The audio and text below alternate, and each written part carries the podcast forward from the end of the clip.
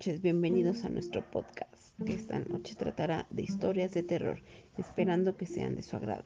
Fantasía o realidad, ¿qué más da?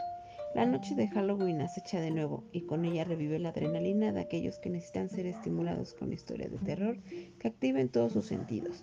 Hay leyendas clásicas que resucitan con éxito cada temporada y afloran con el paso de los años, condimentado una velada que hace las delicias de los amantes del miedo.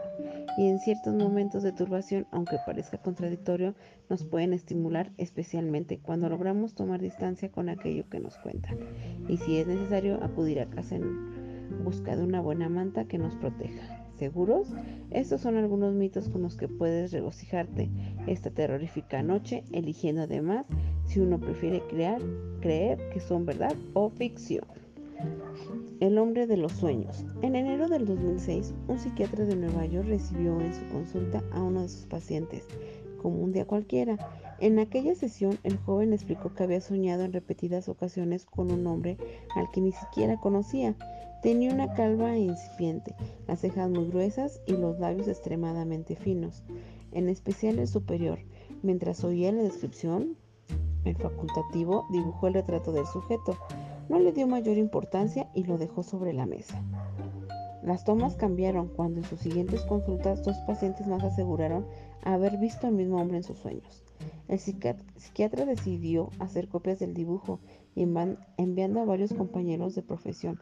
Meses después vieron que el número de personas que habían soñado con él no paraba de aumentar y optaron por crear una página web en la que se registraran todas sus apariciones. Los facultativos descubrieron que el misterioso hombre se había colocado en los sueños de cerca de 2.000 personas. Sus apariciones son de lo más dispares. Uno de los pacientes aseguró haberlo visto de Papá Noel, otro dijo haberse enamorado en cuanto lo vio. Un tercero asegura que cuando sueña que vuela, el hombre lo hace junto a él y nunca habla. El fenómeno ha dado pie a múltiples teorías conspirativas. Una de ellas señala que el intruso es una persona real con habilidad de interrumpir los sueños. Otra incluso afirma que se trata de un proyecto oculto del gobierno para controlar la vida de los ciudadanos. La hipótesis más científica, sin embargo, indica que este rostro forma parte de la conciencia común. ¿Y a ti, alguna vez te ha presentado en tus sueños?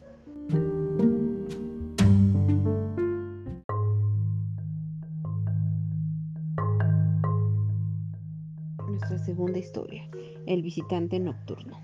Leonor se mudaba de nuevo a su madre le encantaba la restauración, así que su predilección por las casas antiguas empujaba a la familia a llevar una vida más bien nómada. Era la primera noche que dormían allí, y como siempre su madre le había dejado una pequeña bombilla encendida para espantar todos sus miedos. Cada vez que se cambiaban de casa le costaba conciliar el sueño. La primera noche apenas durmió. El crujir de las ventanas y del parque la despertaban continuamente. Pasaron tres días más hasta que empezó a acostumbrarse de los ruidos y descansó del tirón. Una semana después, en una noche fría, un fuerte estruendo la sobresaltó. Había tormenta y la ventana se había abierto de par en par. Presionó el interruptor de la luz, pero no se encendió. El ruido volvió a sonar, esta vez desde el otro extremo de la habitación. Se levantó corriendo y con la palma de la mano extendida sobre la pared empezó a caminar en busca de su madre. Estaba completamente a oscuras, a los dos pasos. Su mano chocó contra algo. Lo palpó y se estremeció al momento. Era un mechón de pelo. Aterrorizada, un relámpago iluminó la distancia y vio a un niño de su misma altura frente a ella. Arrancó a correr por el pasillo gritando hasta que se topó con su madre. ¿Tú también lo has visto? le preguntó. Sí, ni siquiera preparé el equipaje. Salieron pintados de la casa. Volvieron al amanecer tiriteando y con las ropas mojadas. Se encontraron tal y como habían dejado. Menos el espejo de la habitación de la niña. Un mechón de pelo colgaba de una de las esquinas y la palabra fuera estaba grabada en el vidrio. La familia se mudó de manera definitiva para dejar atrás aquella pesadilla. Leonor había empezado a ir de nuevo al colegio y tenía nuevos amigos. Un día la profesora de castellano les repartió unos periódicos antiguos para una actividad. La niña ahogó un grito cuando en una de las portadas vio el mismo niño que una vez más bajó del titular. Ah, Aparece muerto un menor en extrañas circunstancias. ¿Verdad o mito?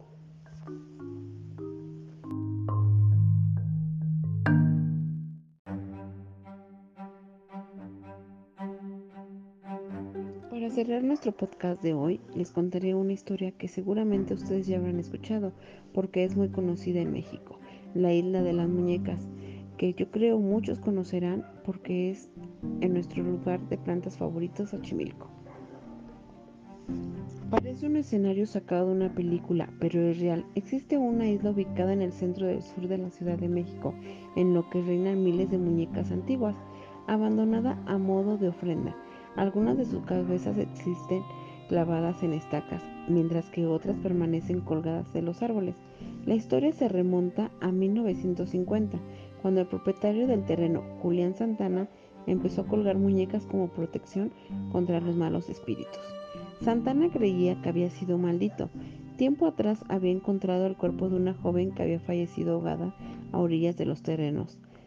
Empezó a convertirse en protagonista de episodios paranormales. Oía voces, pasos y el llanto de una mujer, por lo que decidió colocar todas las muñecas en la isla para ahuyentar el alma de la chica. Su obsesión llegó hasta tal punto que pasaba las horas buscando muñecas en la basura y en los canales de Cuenquemanco. Santana falleció en 2001 cuando se encontraba a orillas del río, justo después de comentarle a su sobrino que la sirena quería llevárselo. Ahora el lugar se ha convertido en un sitio turístico y las autoridades de la región se plantean crear un museo para conservar a las muñecas.